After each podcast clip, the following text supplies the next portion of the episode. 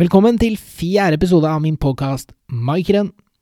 Maikren, det er fortsatt meg, og Hans Petter heter jeg. Det er veldig hyggelig at uh, det er noen som har vært med og lyttet så langt. Og hvis du er en av dem, så hadde det vært veldig hyggelig om du gikk inn på Spotify eller det mediet du er på, og gi meg en, uh, en bra rating eller thumbs up, eller hvordan man enn rangerer sånne podkaster. Det hadde jeg sett veldig pris på. I dagens episode skal jeg gi dere svar på forrige ukes jerntrim, og så skal jeg fortelle litt om hvordan man jukser i poker. Men hvis du ikke har hørt forrige episode, så må du stoppe nå. Så må du gå tilbake og høre den først. For uh, hvis jeg gir deg nå svaret på forrige ukes oppgave, så blir det litt for enkelt og litt kjedelig hvis du da går tilbake en annen gang og hører på denne episoden. Oppgaven var følgende. Du har en Bjørn som går 20 km sørover, 20 km vestover og 20 km nordover. Og da havner den på nøyaktig samme sted som den startet. Oppgaven var hvilken farge har bjørnen? Og det er en eh, logisk gåte, selv om den kanskje høres tullete ut, og svaret er enkelt. Bjørnens farge er hvit. Og hvorfor er den hvit? Jo, for det er ikke så veldig mange steder på jorden hvor du kan gå 20 km sør, vest og nord og havner på samme sted, det er selvfølgelig på Nordpolen, og så er det jo noen kilometer også sør for Nordpolen, uten at jeg skal gå for mye inn i detaljene, men uansett så er det på Nordpolen, og det betyr at bjørnen er en isbjørn, og isbjørner er som kjent hvite.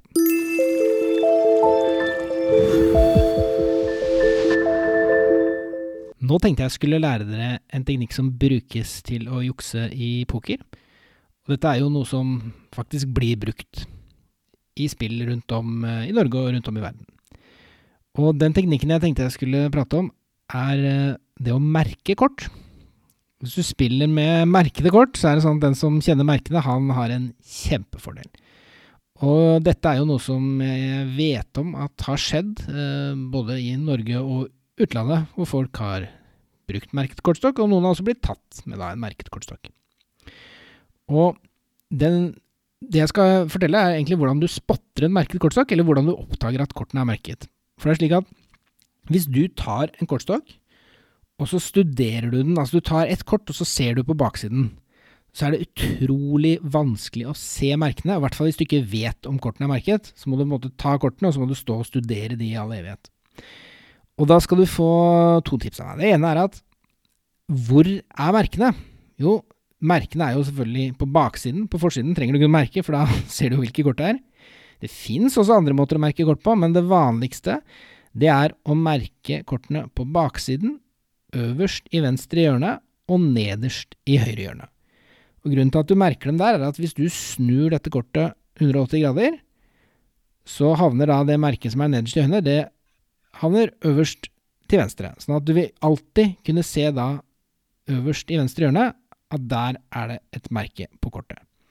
Og litt av grunnen til at merket skal være der, det er at når du holder kortene i hånden og skal dele, så skjuler tommelen din ofte nederst i venstre hjørne og øverst i høyre hjørne, sånn at øverst i venstre hjørne, det er der man lettest ser et merke. Men det er sånn at disse merkene de er veldig diskré. Det er jo slik at ingen skal oppdage dem, og du kan fint spille i dagevis og, og, og månedsvis uten å se dette merkede kortet. Og hvis du tar et kort og studerer det nøye, så er det sånn at merket er skjult i mønsteret. Så det er nesten umulig å se. I hvert fall hvis du da ikke vet helt om dette kortet egentlig er merket, så står det bare og ser på et kort, og ja, da kan du stå der i evigheter. Sånn at teknikken for å spotte da om det er en merkekortstokk eller ikke, Eh, på engelsk så heter den Going to the Movies, eller da jeg kaller det for eh, kinotesten. Og det du gjør da, nå skal jeg ta på kortstokk her, så nå hører man litt uh, lyder. Det er en test som gjør at du rifler gjennom kortene. Og det er da slik at hvis du holder kortene f.eks. i venstre hånd, og så legger du tommelen helt øverst på kortstokken, og så rifler du eller drar gjennom kortene Da er det slik at hvis du holder blikket ditt på samme punkt øverst i venstre hjørne, så vil du se en slags forandring i mønsteret. Det er nesten umulig hvis du bare stirrer på ett kort, men når du rifler igjennom og ser alle kortene, så vil du veldig fort se da hvis det er noe som helst avvik i mønsteret. Testen kalles for Going to the Movies fordi i gamle dager, når det var sånn filmrull, så er det samme teknologien, da, at du ser ett og ett bilde veldig fort, og hvis det er endring i bildet, så vil jo det bli til en film. Så det, dette er derfor vi kaller det da en Going to the Movies, eller kinotesten. Jeg vil anbefale alle som skal spille sammen med noen de ikke har spilt for, eller hvis de er hos noen venner eller noe sånt, og det er i hvert fall hvis det er noe penger involvert, til å gjøre denne testen. Jeg gjør den selv alltid. Hvis jeg skal spille, så tar jeg kortene, og så rifler jeg gjennom kortene på den måten.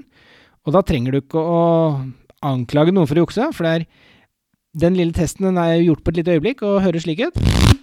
Og det er ingen som nødvendigvis uh, ser at du sjekker etter merkekort. Men det er, uh, det er veldig preventivt, og noe jeg anbefaler alle gjøre før de begynner å spille. Hvis du lurer på hvordan det ser ut, så har jeg tatt opp dette her på film og lagt det ut på YouTube-kanalen min, slik at uh, du kan se det. Så hvis du går inn på youtube.com slash magikeren, så kan du se en kort filmsnutt hvor jeg viser dette prinsippet. Da ser du det ser Ja, jeg syns det er ganske sånn innlysende ut hvordan man da merker kort på denne måten. Så da håper jeg jeg har gjort uh, ditt pokerlag bitte lite grann tryggere. Og eh, til neste gang, da håper jeg du har en magisk uke videre.